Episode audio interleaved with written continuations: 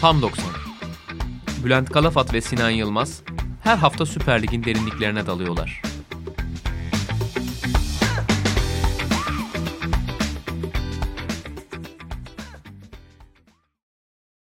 Sokrates Podcast'ten hepinize merhabalar. Tam 90'ın yeni bölümüyle sizlerleyiz. Her hafta olduğu gibi Sinan Yılmaz'la birlikte. Sinan selamlar. Selamlar Bülent.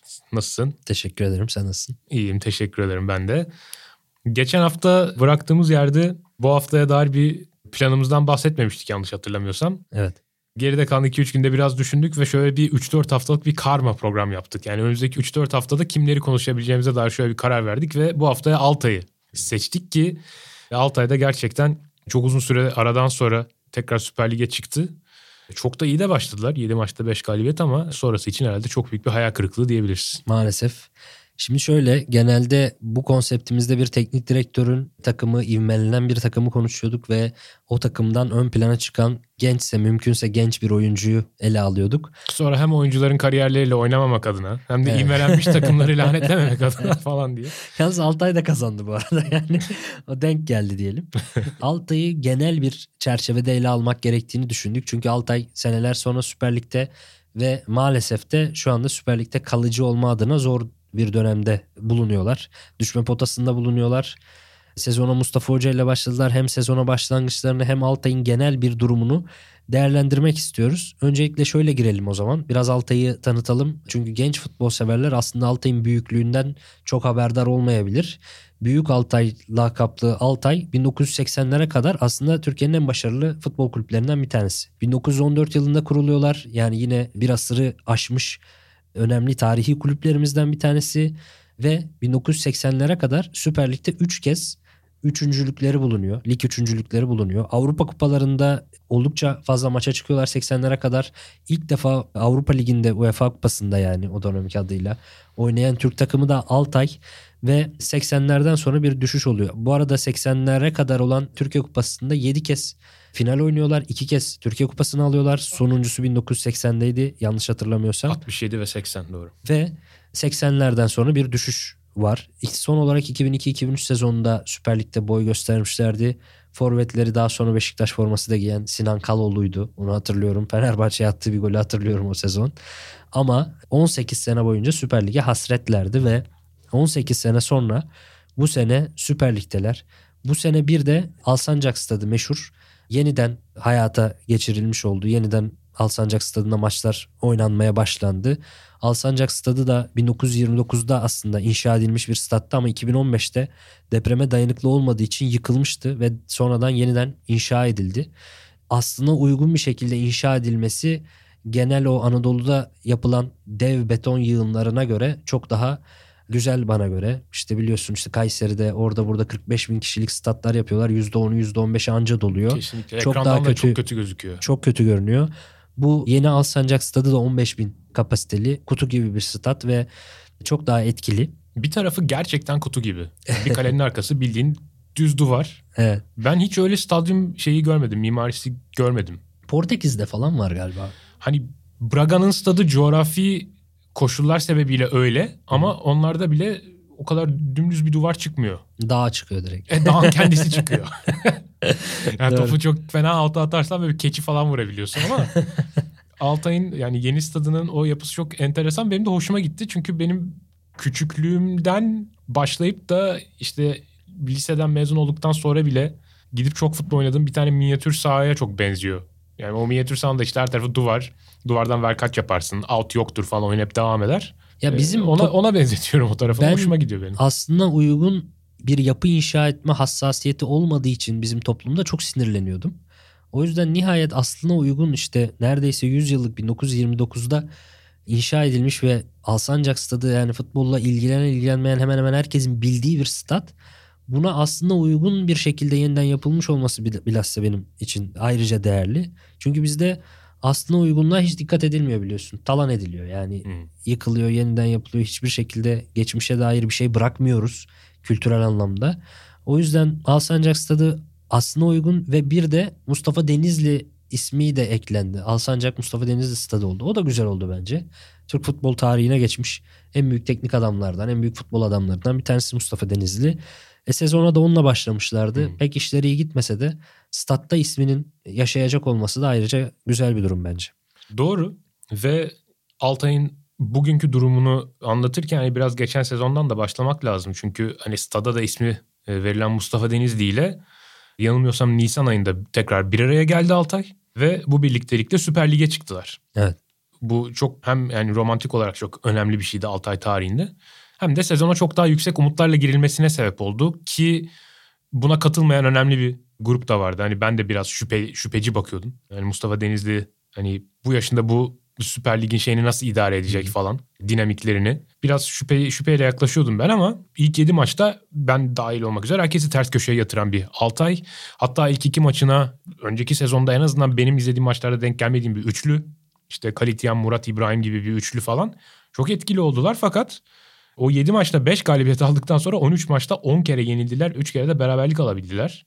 Ve bunun neticesinde 9 Ocak'taki Kayseri maçından sonra Mustafa Denizli ile yollar ayrıldı. Yerine ilk etapta onun yardımcılığını yapan Mert Nobre geldi ama o da başında durdu. 3 maçta 3 tane mağlubiyet alınca onunla da yollar ayrıldı ve göreve Serkan Özbalta geldi. 6 Şubat'taki ilk maçında İzmir derbisinde Göztepe'yi deplasmanda yendi Altay. 16 maçlık mağlubiyet serisini noktaladı. Ve son olarak da Gaziantep'i 3-2 yenmiş durumdalar. Gün itibariyle bugün 2 Mart 2022 ve 4 maçta 7 puan toplamış bir Altay var. Bir anda karşımızda böyle bir takım belirdi. Abi biraz daha şanslı olsalardı Beşiktaş deplasmanından da bir puan çıkarıyorlardı ama Evet. zaten fazlasıyla şanslı bir dönem geçiriyorlar Serkan Hoca ile gerçekten. Öyle olduğunu hatta biraz Altay'ın Altay'ın bu sezonunu biraz rakamlar ve oyuncular üzerinden konuştuğumuz zaman da daha net görebileceğimizi düşünüyorum. E, İlk etapta biraz Serkan Özbalta'yı tanıyalım. E, Oradan takımın gidişatına bir bakalım ve son olarak da sezon başından beri takımın iyilerinden olan kaleci Mateus Lis ile son dönemdeki 6 numara rolüyle ön plana çıkan Tassiano'ya değinelim. Ve vakit kaybetmeden başlayalım Serkan Özbalta'yla. Kendisi Şubat 79 Trabzon doğumlu eski bir orta saha. 98-2011 yılları arasında aktifti. Gençler Birliği altyapısından çıkmış. Altay'ın da alt yaş takımında oynamış bir oyuncu. Kariyerinde oynadığı zaten en büyük takımlardan biri de Altay. Kayseri Spor gibi ekiplerde de forma giymiş ve son olarak Buksaş Spor'da kariyerini noktalamış ki Buksaş Spor'un da bugünkü adı neydi? Adarıca Gençler Birliği mi bilmiyorum. Galiba Emin değilim. İsim değiştiren kulüplerimizden. Ben de şimdi bir an bocaladım. Buna bakmıştım ama. Ama sanırım artık Buksaş Spor diye bir takım sanırım yok. Hı hı. Emin olmamakla beraber. Belki bu kısmı atsak daha iyi olur. Teknik direktörlük kariyeri 2015'te başlamış. 3 sene Keçiören gücünün genç takımını çalıştırdıktan sonra 17-18 sezonunun ikinci yarısında Mustafa Çapanoğlu yerine teknik direktörlük görevine getiriliyor Keçiören gücünde. İkinci lig kırmızı gruptalar o sezon. Beşinci bitiriyorlar ve o zamanki adıyla Menemen Belediye, bugünkü adıyla Menemen Spor olan takımı eliyorlar. Fakat yarı finalde Afyonspor'a eleniyorlar. 18-19'da ikinci lig beyaz gruptalar bu sefer ve şampiyon bitirip birinci lige çıkıyorlar. 2019-2020'de bir önceki sezondan da daha az bonservis harcayarak belki biraz daha yüksek maliyetli oyuncular almış olabilirler. Fena bir iş çıkarmıyorlar. Bir üst ligde tutunmayı başarıyorlar ve 8. oluyorlar. Belki burada yaptıklarıyla dikkat çekiyor Serkan Özbalta ve 2020-2021'de Manisa'nın başına geçiyor. Bu kez onları ikinci lig beyaz grupta namağlup şampiyon oluyorlar ve öyle bir sezon geçiriyorlar ki Sinan son 8 haftada bir galibiyetleri var sadece ve ona rağmen 13 puan farklı birinci oluyorlar. yani demek ki başlarda böyle 30 puan falan fark Evet. atmış olsa gerek. Şimdiki Trabzonspor modeli. Evet aşağı yukarı 10 minvalli bir takım. E, Hatta biraz daha üstün. Ve bu şekilde tekrar birinci lige çıkıyor. Serkan Özbalta'nın başında bulunduğu bir takım. Birinci lige de 2021-2022 sezonunda 3 tane galibiyetle başladıktan sonra arka arkaya 5 mağlubiyet alıyorlar ve yollar bir anda ayrılıyor. Ve Şubat 2022'de de 16 maç üst üste kazanamamış bir Altay'ın teknik direktörlüğünü yapmaya ben varım diyor Serkan Özbalta. Hani bu sezon herhalde kabul edilmiş en zor görev Serkan Özbalta'nınki olabilir. Ta ki işte Cihat Arslan yeni Malatya'ya Evet. gelene kadar.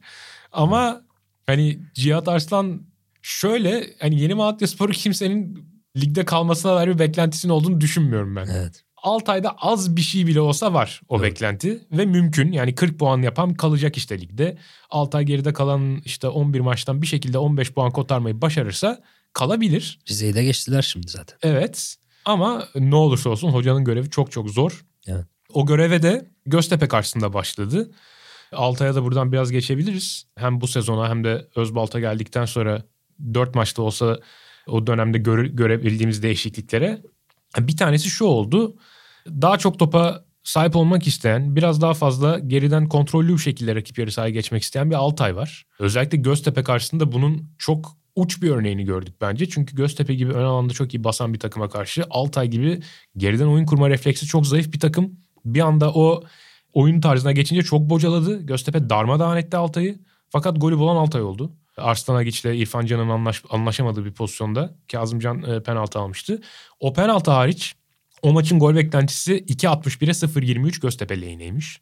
Statsbomb'a göre. Bu maçın ardından Jetson Fernandez ile başa çıkmakta çok zorlandıkları bir maç oynadılar Alsancak'ta. Oradan puan almayı başardılar o önemliydi. Beşiktaş deplasmanından senin dediğin gibi 1-0 mağlup döndüler ama işte farkı arttırma şanslarını harcayan Beşiktaş son 10 dakikaya 1-0 e, sadece 1-0'la girince Altay bir anda oyuna ortak oldu ve neredeyse puanı koparıyordu. Ve son olarak iki tarafında hem duran topta hem akan oyunda çok kötü savunma yaptığı bir maçta Antep'i 3-2 yendiler. Ve daha şimdiden hani puan ortalamasında sezonun geri kalanının çok çok üstünde bir ortalama tutturmuş durumdalar. Özbalta'nın tabii bu süreçteki demeçleri de önemli abi. Mesela Beşiktaş maçından sonraki basın toplantısında Altay'ın ligde kalmasının yolunun topla bir şeyler üretmekten geçtiğini söyledi. Bu beni çok şaşırttı. Çünkü hani Göztepe'ye karşı çok net ters tepmiş. Rize karşısında pozisyon üretmekte çok zorlanmış bir taktiğin devam etmesi gerektiğini bir mağlubiyet daha aldıktan sonra dile getirmesi bana çok şaşırtıcı geldi hocanın. Ve hücum alanında, hücumda yani hiçbir alanda bir ilerleme gözükmüyor. Hani aklıma bir hani Kazımcan'ın Rize maçında arka direkten tamamlamaya çalışıp atamadığı gol geliyor. Onun dışında işte Kapel'in Beşiktaş maçında direkten dönen bir topu var. Kayıtları direkten dönen top olarak geçecektir ama aslında neredeyse çıkmak üzere olan bir topu içeri çevirirken Kapel hmm. direğe nişanladı. Yani çok net bir pozisyon da değildi o. Yani rakamlara baktığın zaman Denizli ve Nobre dönemindeki 23 maçta işte maç başına penaltısız 1.8 1.08 gol beklentisi üretiyormuş takım. Ligin 17.si. Bugünkü noktada 0.7'ye kadar düşmüş bu ve sonuncu Altay. Özbalta döneminde. Özbalta dönemindeki 4 maçta sadece. Tabii Hı. veri havuzu biraz küçük. Ama bu ortalamalarda genellikle 5-6 maçtan sonra oturur fazla oynamamak üzere. Yani Özbalta buradan bunu 2'ye çıkarmayacak. Hı. Onu da öngörebiliriz. İşte 90 başına şutta geri gitmişler. Pasta biraz daha öne gittiklerini görüyoruz. Özel, Onu özellikle hedeflediğini söylüyor zaten. Kendisi de bunu hedeflediğini söylüyor. Hem pas sayısı artmış hem de kalecilerin ortalama topu oyuna sokarken kullandıkları pasların metrajında ciddi bir düşüş var. Ligin en uzun kaleci paslarını kullanan ikinci takımken 10. sıraya kadar gerilemişler. Biraz daha geriden oyun kuran bir takımın göstergesi ki zaten stoperler de giderek daha fazla pas yapıyor. Bu da rakamlara yansıyor. Fakat çok daha çarpıcı olanı takım önde baskı metriklerinden bir tanesi ve en artık yaygınlaşanlardan bir tanesi olan PPDA'da birinci sıraya yükselmiş. Hı hı. Zaten beşinci sıradaymışlar ki yani bu Göztepe bile bu futboluyla ön plana çıkıp çok ciddi oyun mağlubiyetleri alıyor ve skor mağlubiyetleri de alıyor. Yani bunu yapmak hiç kolay bir şey değil. Altay şu anda bunu en şiddetli yapan takım ama karşılığını ne kadar alıyorlar o bambaşka bir konu. Oyuncu yapısı da çok müsait değil böyle değil. bir şey yapmaya. Hı. Ve en çarpıcısı bana kalırsa metriklerde rakiplerine maç başına 0.29 ile en fazla duran toptan gol beklentisi veren ikinci takımmış. Denizli ve Nobre döneminde Altay. Özbalta döneminde bu rakam iki katının üzerine çıkmış ve şu anda açık ara sonuncular ki duran toplardan özellikle Rize ve Beşiktaş maçlarında zaten çok Beşiktaş mağdur oldular. Beşiktaş maçında duran toptan gol yedikleri zaman bir tweet atmıştım. Duran topları bu kadar kötü savunuyorken bu kadar ucuz duran top yapmamak lazım diye. Hatırlarsan o kornerden önce Kapel çok gereksiz bir duran top yapıyor. Evet. Sol tarafta kullanıyorlar. O vuruş korner oluyor. Kornerin ikinci kornerinde de gol geliyordu. Hani bir de hem bu kadar kötü savunurken hem bir de böyle Kapel'dir, Martin Rodriguez'dir çok saçma sapan fauller de yapıp gereksiz duran toplara da izin veriyorlar. Hani veriler çok hayra alamet bir gidişat göstermiyor. Her ne kadar işte pas, topa sahip olma gibi bazı metrikler Serkan Özbaltan'ın istediği yönde ilerlemiş olsa da daha belirleyici olan metriklerde ciddi bir gerileme söz konusu ki hani bu Altay'ın yaşlı ya da dirençsiz bir takım olmasından da kaynaklanmıyor. Aslında ligimizin ortalamasına göre çok fazla süre alan oyuncular lig ortalamasına göre genç orta yaşta sayılırlar. İşte Lisi, Naderisi, Björkanderi, Cebrail'i, Bambas'ı, Rodriguez'i, Tassianos'u bunların hepsi 25-27 bandında oyuncular ve bunlar takımın omurgası aslında. Hani en büyük sorun oyuncu kalitesi gibi gözüküyor. Kesin. Bu lige pek yeterli değil Altay'ın ne ilk 11'i ne de o ilk 11'e dışarıdan e, monte edilmeye çalışılan daha sonra parçası olan oyuncular. Ki özellikle takımın hücum yükünü taşıması beklenen transferler Pinheres ve Rodriguez bu konuda çok yetersiz bir performans koydular şu ana kadar. Sadece 4 gol ve 4 asistlik bu iki oyuncunun toplam hücum katkısı. Öte yandan işte sezona çok iyi giren ve ilk 15 maçta 7 gol atan Bamba'nın en son 4 Aralık'ta Galatasaray'a gol attığını görüyoruz penaltıdan. Hani ve o da Özbalta geldiğinden beri 11'de değil. Hücum hattında bir belirsizlik var. Bütün bunlar Altay'ın bulunduğu durumu biraz daha iyi açıklıyor bence. E şimdi Altay'ın bugünkü durumunu biraz geçen sezonun sonundan ele almak lazım. Geçen sezon Mustafa Denizli o senin dediğin gibi son derece güzel bir hikayeyle takımı 18 yıl sonra efsanesi olduğu kulübü Süper Lig'e çıkardığında gelip de orada da çok finallerde güzel işler yapmıştı. Tecrübesini konuşturmuştu. Altın Ordu'ya karşı finali de almıştı. Çok güzeldi. Ondan bir gün sonra ben TV Bu Spor'da yayındaydım. Hatta Mert Nobre de yayına bağlanmıştı. Altay'ı falan konuşmuştuk. Mert Nobre ayrıldıktan sonra şey demiştim. Yani bence ben Mustafa Denizli'nin yerinde olsam emekliliği artık açıklarım diye. Çünkü 72 yaşında Mustafa Denizli e, son derece güzel böyle bir film hikayesi gibi takımı da çıkarmış. Emeklilik için çok uygun çünkü Mustafa Denizli de kariyerinin kendisine yakışmayan bölümünü son dönemde yaşamıştı. 6 aydan önce hem Eskişehir Spor'la hem Galatasaray'la hem de Kasımpaşa'yla ciddi anlamda başarısız olmuştu Süper Lig'de. Ve Altay'ı alıp da tekrar işte biliyorsun geçmişte Rize'yi falan da Süper Lig'e çıkarmıştı. Hı hı. Altay'la tekrar böyle bir rüştünü ispat eden güzel bir son çok iyi olabilirdi. Çünkü bir Süper Lig takımına yani Süper Lig'e yeni çıkan bir takımda en zor dönem o yaz transfer dönemi ve 72 yaşında son derece doymuş artık 50 yıl aşkın bu futbola kendisini adamış bir teknik adamın en çalışması gereken yaz transfer dönemi. Bu bütün gün yatıp kalkıp o yaz sıcağında futbolcu izlemen lazım. Çünkü çok fazla transfer yapıyorsun. Yani hiç yapmasan bile Altay mesela çok yapmadı. Yani yeni çıkan takımlar 15 tane falan transfer yapıyor. Devre arasında da yapmadı Altay bir de. Doğru. Altay hani 8-9 tane o 8-9 hep nokta atışı transferler yapmak zorundasın yani. Ve o transferlerde de çok da bir parası yok zaten çıkan takımların. Çok inceleyip çok sık dokuması. Bütün yaz doğru oyuncuyu bulmak için izleme yapması lazım. E şimdi Mustafa Hoca'ya 72 yaşında Mustafa Hoca'ya sabahtan akşama kadar futbolcu izletmek hani yeni başlayan bir kariyer gibi o çok mümkün olmayacaktı ve Süper Lig deneyiminin pek iyi gitmeyeceğini ben düşünüyordum açıkçası. O yüzden o yayında da ben olsam Mustafa Hoca yerinde emeklilik için en, en uygun zamandı yani. Çıkarmışsın Süper Lig'e tamam değil. Nobre ne dedi? Ee, şey, üzerine... Nobre ayrıldıktan sonra yayın telefonla bağlanmıştı Nobre e, İzmir'den. Nobre telefonu kapattıktan sonra bu düşüncemi söylemiştim demiş. Çünkü Nobre adamın yardımcısı. Hani şey bir durum olurdu. Katılıyorum falan da. evet sıra bende falan. ya tabii maalesef ki hoca beni dinlemeyip Süper Lig gayet de iyi bir başlangıç yaptı ama Orada maalesef ki transferlerde tahmin ettiğim gibi biraz üstün körü yapılmış. Biraz işte Weisscout'tan, Instat'tan falan bütün kulüplerde bunlar var. Bakıyorlar 2-3 maç, 2-3 klip izliyorlar. Ve orada ha iyi bu yetenekli bir kanat oyuncusuymuş deyip Martin Rodriguez işte o ha iyi Pinares'in bir tane uzaktan golünü gördülerse belki ha iyi 10 numaraymış deyip yapılan transferler. Şimdi biraz transferlere bakalım. Cesar Pinares en yüksek bonservisle alınan oyuncusu. Transfer markete göre 1,5 milyon euro civarında olduğu söyleniyor.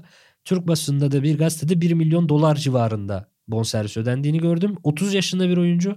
Kariyeri boyunca Şili ligleri, Güney Amerika'nın zayıf ikinci sınıf ligleri yani böyle Brezilya, Arjantin değil de böyle Şili falan liglerinde. Hmm. Genç yaşlarında bir İtalya 2. lig ve 3. ligi denemesi olmuş. Bir Yunanistan denemesi olmuş çok kısa ama tutunamamış. Ve böyle bir oyuncu geliyor. Kariyeri boyunca hiç böyle çok golcü ve skorer bir oyuncu değil. Evet. Burada da 3 gol 3 asiste kalıyor. Daha sonra Wisla Krakow'dan list transfer ediliyor. Kaleci izlemek biraz daha kolay olduğu için bence liste e, şey at, çok hata yap, yapmamış olabilirler. Bence ligin kalburüstü kalecilerinden bir tanesi. Evet. Ona da 900 bin euro bizim basında yazmış. Transfer markette 700 bin euro diyor. Hani ona da fena değil. Ahmet Rayan alınıyor. Ahmet Rayan kiralanıyor. Mısır'ın en güçlü takımlarından El Ahli'den. Bu aynı zamanda Afrika'nın en güçlü takımlarından. Afrika Şampiyonlar Ligi'nde de başarıları olan bir takım. Zemalek'le birlikte işte biliyorsun Mustafa Muhammed Zemalek'ten geldi. El Ahli de şey bir takım. Yine kuvvetli. Onlar Mısır'ın bir başka takımda bir önceki sezon 15 gol atmış Rayan. Onlar alıp Altay'a kiralamışlar. 300 bin dolar gibi de bir para verilmiş. Yani ona da az bir para değil kiralık için. Ama Ryan biraz geç geldi. Bir de geldiği zaman Ryan Bamba çok gollerle başlamıştı. O yüzden Ryan pek adapte olamadı. Bence Ryan'da bir kumaş var. Zaten şu anda takımın 4 ligde 4'te kupada atmış. 8 golle en golcü oyuncusu aslında ama az süre aldı. Bayağı az süre aldı. Biraz Bamba'dan sonra gelmesinden dolayı. Bir de tabii Payşao da var. Takımı Süper Lig'e çıkaran veteran golcüsü. Hiç faydalanamadılar. Ee, ama yani bu santrforlar aslında bence ligde tutmaya yetebilecek. Yani hem Bamba bir kontra atak koşucusu olabilir. Hem Ryan iyi bir bitirici, yetenekli bir oyuncu. Biraz o Konya'daki Ahmet Aslan'a da benziyor. Tarzı olarak da. Şeyde de hani Payşao da tecrübeli bir golcü. Aslında arkadakiler iyi besleyebilse bu golcülerle ligde kalınabilir. Bence golcüden dolayı olmadı Altay'ın problemi. Katılıyorum. Bir de orada ufak bir not da ben de ekleyeyim Bamba özelinde.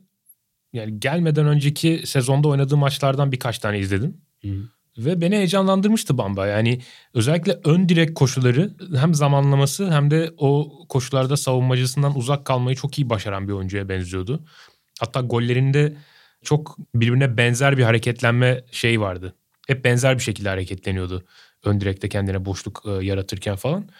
Ki yani 15 maçta 7 gol gibi neredeyse 2 maçta 1 Bir gole tekabül eden bir başlangıçtan sonra hiç gol atamaması, bir anda kaybolması Bamba'nın çok, Evet. çok enteresan bir kayıp yani. Bir de Bamba bedelsiz geldi ama muhtemelen yüksek maaşla gelmiştir. Çünkü Norveç liginde e, yakın dönemde bir bir sezonda 10 golü var. Norveç'in ikinci liginde de 20 gol attığı bir sezon var. Evet. Hani yaşı da geç değil 25-26. Bamba iyi bir transfer denebilirdi. Ama mesela işte tıpkı 10 numaran Pinyares'in hem asist hem gol üretememesi gibi sol kanada yapılan Martin Rodriguez'de 200 bin dolara alınıyor. Yine o da Şili ligleri, Güney Amerika'nın vasat ligleri 27 yaşına kadar hiçbir zaman çok gol ve asist yapamamış. E senin sağ önde de Kapel gibi bir oyuncu var. Kapel de zaten senelerdir biliyoruz. Kapel de hiçbir zaman çok yüksek asist ve gol sayılarına ulaşamamış.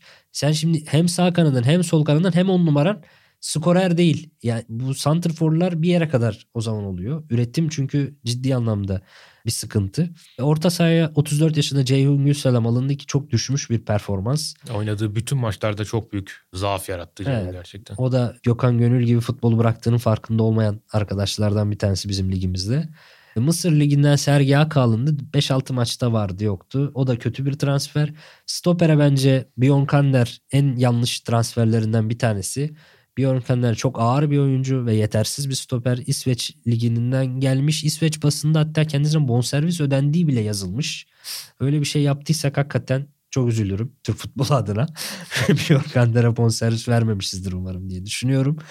Sol beke İran'dan Mustafa Denizli muhtemelen traktör, traktör sazını çalıştırdığı dönemde 2018'lerde falan çalıştırmıştı yanlış hatırlamıyorsam. Oradan biliyor olabilir Naderi'yi. İran liginden geldi Naderi.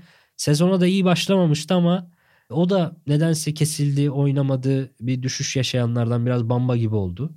Ve Tachiano var. Orta sahaya oyun kurucu olarak alınan. Ligin ilk yarısında pek ortalarda yoktu ama son dönemde hem Beşiktaş hem Fenerbahçe maçlarında güzel işler yaptı ama ona da değineceğiz ayrıca. Gaziantep maçında hataları da oldu. Gol atmasına rağmen. Zayıf bir performansı var. Bence şimdi Santrfor iyi. Ryan, Payşao, Bamba. Santrfor tarafı iyi.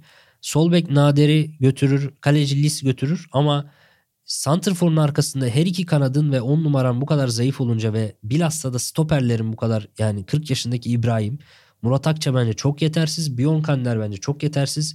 İki stoperin bu kadar kötü ve Santrfor'un arkasındaki 3 bölgede bu kadar kötü olunca maalesef diğer pozisyonlar idare etse de ligde kalmak çok zorlaşıyor. O yüzden Yeni Malatya da dahil ligin en zayıf kadrosunu maalesef Altay kurdu. Yeni Malatya tabii şimdi paralar ödenmediği için dağıldı falan ama sezon başı kadroları kıyasladığım zaman ligin maalesef en kötü kadrosu Altay'daydı diye düşünüyorum ben Tabii açıkçası. yani Malatya Spor'un nereden bakarsan bak bir Ryan Abidi vardı mesela orta sahada. Tabii yani Tete var Santrfor'da. Tete gibi bir genç ve çok dominant bir santrforu var. Münir var. Fransa Lig 1'den gelmiş bir Evet. oyuncu direkt. Öyle Şili, Yürüyerek. Şili, Ligin en iyi çalımcısı diyebiliriz bence. Yeni Şili Malatya liglerinden falan gelmedi yani Evet. Münir. Fransa Lig 1'den geldi. Arada ciddi bir fark vardı. Spor'da. Veteran santrfor olarak kullandığını Adem Büyük son bıraktığı sezona kadar gayet etkili olmuş bir santrfor. İki sezon önce Galatasaray'ın santrforluğunu yapmış bir oyuncu falan. Evet katılıyorum yani sezon sezon başındaki kadrolar itibariyle çok zayıftı ve devre arasında da onları hiçbir takviye yapamadılar. Devre arasında hatta takviyesiz geçen sanırım iki takımdan bir tanesi Altay. Şunu da hatırlıyorsundur Bülent. Biz bu programı farklı formatta yaparken haftalık değerlendirmeler yaparken Altay 7. haftada liderdi. Ve o zaman şöyle bir cümle kurduğumu hatırlıyorum. Bu kadro kalitesiyle Altay muhtemelen düşüşler yaşar ve orta vadede Giresunspor'da o zaman Fenerbahçe ile oynamıştı aynı hafta. Beşiktaş Altay Beşiktaş'ı yenip lider olduğunda Giresun'da Fenerbahçe'ye yenilmişti. Muhtemelen Giresun'la Altay aynı yerlerde buluşurlar demiştim. Çünkü zayıf kadrolar. İkisi de Süper Lig'e yeni çıkmış. İkisi de zayıf kadrolar. Hani daha fazla bu kadar yukarılarda olmaz diye tahminde bulunmuştuk ki ikisi de alt sıralarda ama Giresun oyun gücüyle Giresun da bayağı zayıf bir kadro bu arada. Giresun oyun gücüyle o şeyin düşme potasının bir şekilde üstüne çıktı ama Altay onun da altında kaldı uzun vadede. Doğru ve hani bu sezondan gelecek sezonlara kimler aktarılabilir diye baktığımız zaman iki tane oyuncunun ön plana çıktığını söyleyebiliriz. En azından bu sene yapılan transferler arasından bakarsak bir tanesi Tassiano. Mayıs 95 Brezilya doğumlu oyuncu. Ki senin de dediğin gibi Tassiano sezon başında pek oynamayan bir oyuncuydu. Ve tıpkı kariyerindeki gibi Altay'da da çok farklı mevkilerde kullanıldı. Brezilya'daki kariyeri de böyle. Hani orta sahanın 3 konumunda da oynamış, kanatlarda oynamış bir oyuncu. Daha ağırlıklı olarak bir tam bir merkez orta saha oyuncusu olmasına rağmen. Onun da kısaca hatta bir kariyerine baktığımız zaman işte kariyerine Boa Esporte takımında başladığını görüyoruz. Rio ve Sao Paulo'nun biraz kuzeyindeki Varginha adlı bir şehrin takımı. İşte iki sene burada oynadıktan sonra güney sınırına yakın Porto Alegre kentinin e, takımı Gremio'ya. Önce kiralık gidiyor sonra Gremio onu satın alıyor. Sonra birkaç kulübe kiralıyor. Ve bunlardan sonuncusu Bahya oluyor. Bu süreçte bir 2018 yılında Libertadores yarı finali görüyor Tassiano. Fakat e, o maçların son dakikalarında oyuna giren bir oyuncu. Yani o takımın böyle değişmez parçalarından biri falan değil. E, 2021 sezonunda Bahya'ya kiralandıktan sonra da ve Altay'a geliyor ve tıpkı kariyerindeki gibi Altay'da da pek çok farklı mevkide kullanıldı. Ben sağ bek oynatıldığı bir dönemi hatırlıyorum. Sol kanatta oynadığı bir tane maç var bu sezon içinde. Ve son dönemde Serkan Özbalta döneminde savunmanın önündeki oyun kurucu olarak öne çıktı. Ve hani özellikle Beşiktaş maçında çok dikkat çekici bir performans sergiledi. Özellikle ilk yarım saat Joseph gibi o mevkinin ligdeki belki de en dominant oyuncusuna karşı çok sağlam durdu. İki hmm. tane çok önemli kontra hata çıkardı takımını. E, Göztepe deplasmanına bakıyorsun işte maçı kazandıran golü Tassiano atıyor ki kolay bir gol değil. Dönerek evet. uzak direğe ayak içi temiz bırakıyor falan. Bir yanda bunlar var ama bir yandan da işte Rize Spor, Antep maçlarına bakıyorsun. O maçlardan edindiğin Tassiano izlenimi de çok ters yönde oluyor. Ya bu arada Güney Amerika'dan gelenler hem Pinyares hem Tassiano hem Martin Rodriguez hep düşük kariyer. Tachiano tabii diğerlerine göre yani Martin Rodriguez ve Pinares'e göre Gremio daha büyük bir takım.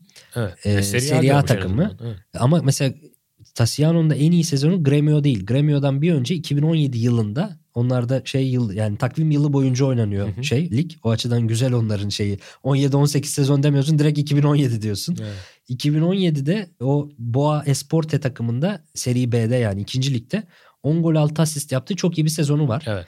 En iyi sezonu da o. O sezondan sonra da Gremio ona bir yatırım yapmış ama Gremio kendisi öyle ilk 11 oyuncusu yapamamış onu. Hani o 10 gol 6 asist yaptığı 22 yaşındaki genç bir oyuncu. Yatırıma uygun bir oyuncu. Ama kendisi kullanamamış Serie A'da. Altay'a işte kiralamışlar. Daha önce başka takıma kiralamışlar. Altay'da da ilk yarıda dediğin gibi yoktu ama şimdi Beşiktaş maçını söyledin sen. Oradaki oyun kuruculuğu çok dikkat çekmişti. Fenerbahçe maçında da aynı şeyleri yaptı. Hatta Raya'nın golündeydi yanlış hatırlamıyorsam çok iyi bir pas attı. Evet. Fenerbahçe maçında da bu işleri güzel yaptı. Ee, iyi bir oyun kurucu ama mesela Antep maçında şimdi alıcı gözle izleyince bu programa da hazırlanırken e, savunmasını pek iyi bulmadım. Hatta geriden oyun kurarken dönememiş bir baskı yemiş ve orada çok net bir e, gol pozisyonuna sebep olmuş. Evet. E, çok hızlı çabuk bir oyuncu değil. Ve hava toplarında da kısa boylu diyemeyeceğim bir oyuncu. 1.80 civarı falan herhalde boyu ama hava toplarında da pek beğenemedim. Biraz bir iki hava topunda şey kalmış. iyi sıçrayamamış. İyi bir oyun kurucu olabilir. Belki seneye yani bu Altay kadrosundan kadronun çok zayıf olduğunu söyledik. Bu Altay kadrosundan seneye Süper Lig'de kalabilecek yani en azından oyun tarzı itibariyle çok böyle derin oyun kurucu kalmadı bizim ligde. Hani o yüzden biraz göze de hoş gelen bir top oynuyor ayağı iyi olduğu için. Bir Lis olabilir bir de işte Tachiano falan kalabilir bizim ligde gibi düşünüyorum. Belki bir de Naderi olabilir mesela sol bekte. Doğru. Ben Naderi'den sezon başında beklentilerim epey yüksekti hatta.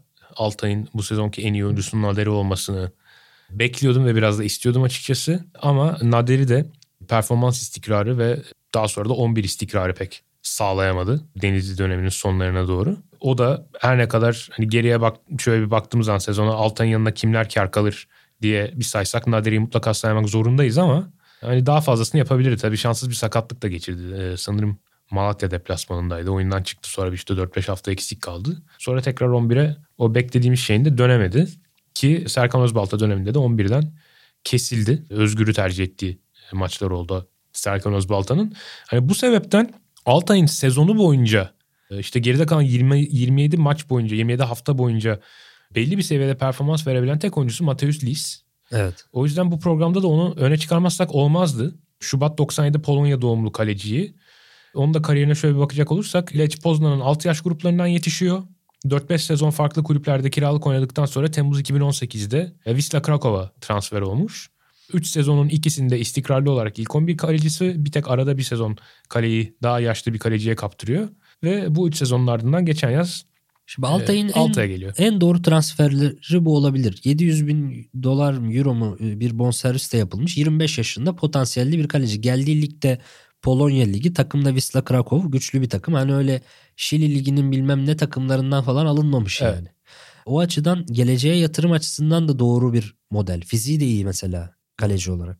Özellikle sezonun ilk yarısında biraz hatalı goller yedi ve korkarım ki bu sezonu bu gollerle hatırlanacak Lis'in. Sayıca biraz fazla bunlar. Hı. Ve belirleyici goller oldular. Yani Rize deplasmanda işte Bolasi'ye uzaktan kapadığı köşeye vurmuştu. Adana Demir'le içeride oynadıkları maçta mesela Akintola onun üzerine vurdu maçı koparan golü attı. Konya deplasmanında sanırım maç 0-0 iken Abdülkerim'in bir kafa şutu var ki yani O çok kötü. e, büyük ihtimalle senle ben kurtarırdık onu.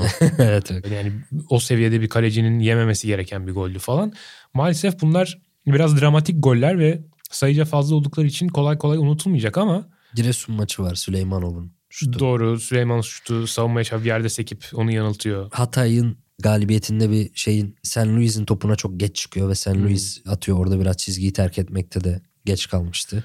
Ama hani bunları bir kenara bırakmayı başarırsak istatistiklerde bazı istatistiklerde çok öne çıkan bir kaleci. Mesela StatBomb'a göre şutların çerçeveyi buldukları noktalar hesaba katılınca 90 dakika başına 1.5 gol yemesi bekleniyor. Bu post shot XG dediğimiz hadise. Şut sonrası gol beklentisi yani. Bu konuda işi daha zor olan bir kaleci yok. Kalesine en zor şutlar gelen kaleci Lis olmuş. Ama maç başına 0.29'luk bir gol önleme katkısı vermiş. Yani işte bu şutların gol olma beklentisinin 0.29'unu Lis eritmiş. Bu alanda ligin zaten en iyi 4 kalecisinden biri.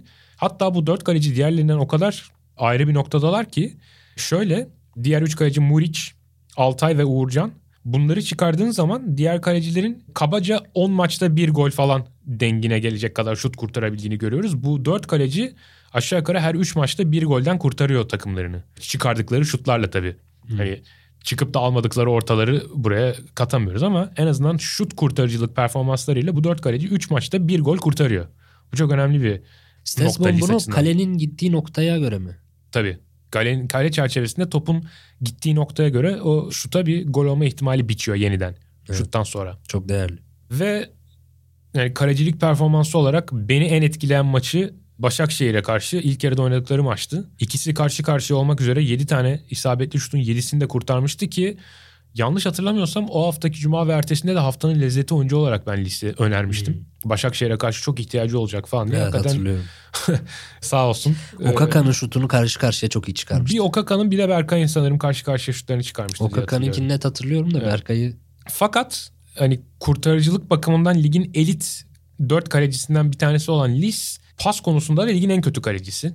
Açık ara hem de. Yani en az 900 dakika oynamış kaleciler arasında pas isabeti ve uzun pas isabeti en düşük kaleci olmuş Lis.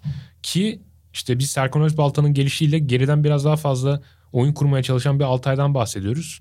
Hani bunu Lis gibi bir kaleciyle yapmaya denemek ne kadar akıl kârı o da biraz Bir de devre arasında Galatasaray'a yazılmıştı Lis biliyorsun. Galatasaray'la adı geçti.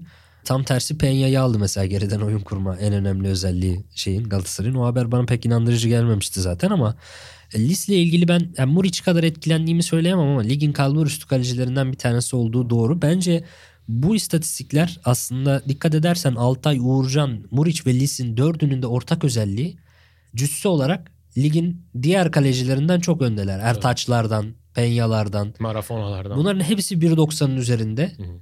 Uzun ve mesela Lis'in de dün tekrar program için hazırlanırken kurtarışlarını ve yediği golleri izledim. En önemli özelliği kolları köşelere kadar uzanabiliyor ve bu şekilde refleksleriyle ciddi kurtarışlar yapabildiğini gördüm. Ben zaten kalecide böyle cüsseli kaleciyi çok ayrı bir yere koyuyorum. Değerli buluyorum.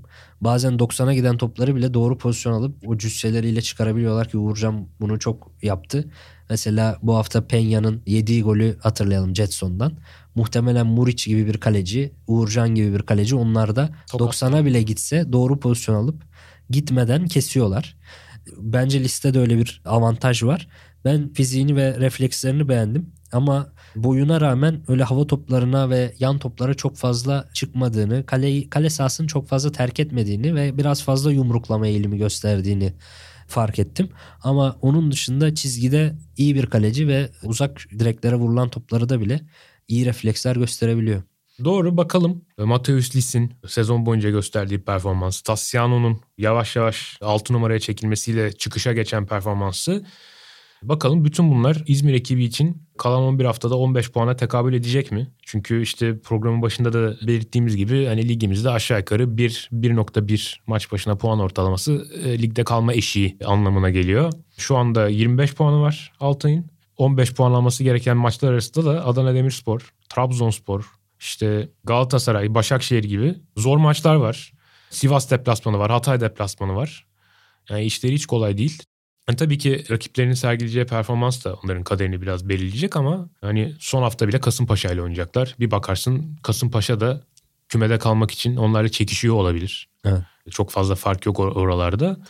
O yüzden biraz zor gibi gözüküyor işleri ama Serkan Özbalta da sonuçta çok zor bir işe girişti. Bakalım bunun altından kalkabilecek mi? Bunu göreceğiz. Ağzına sağlık abi. Senin de. E, Teşekkürler. Ve tabii ki sizlere de çok teşekkür ederiz dinlediğiniz için. Programın başında belirttiğimiz gibi önümüzdeki haftalar için şöyle karma bir plan yaptık ama e, her şeyi yerli yerine koymadık. Fakat gene de enteresan dosyalar hazırlayacağımızı düşünüyoruz.